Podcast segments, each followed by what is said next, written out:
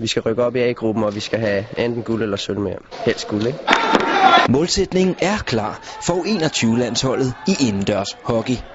Der skal metal og oprykning til A-gruppen med hjem fra EM i Lignano i Italien. Vi har jo ikke øh, spillet mod nogen af holdene før, så øh, vores forventninger lige nu, det er jo selvfølgelig, at, at vi kommer ned og, og skal tage nogle sejre med hjem.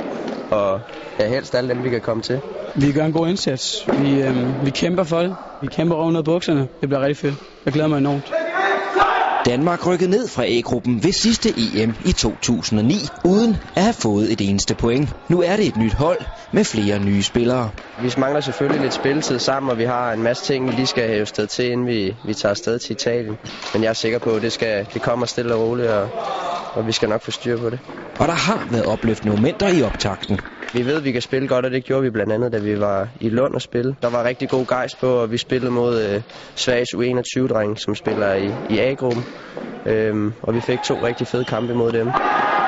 Danmark spiller deres første kampe fredag imod Slovakiet og Tyrkiet.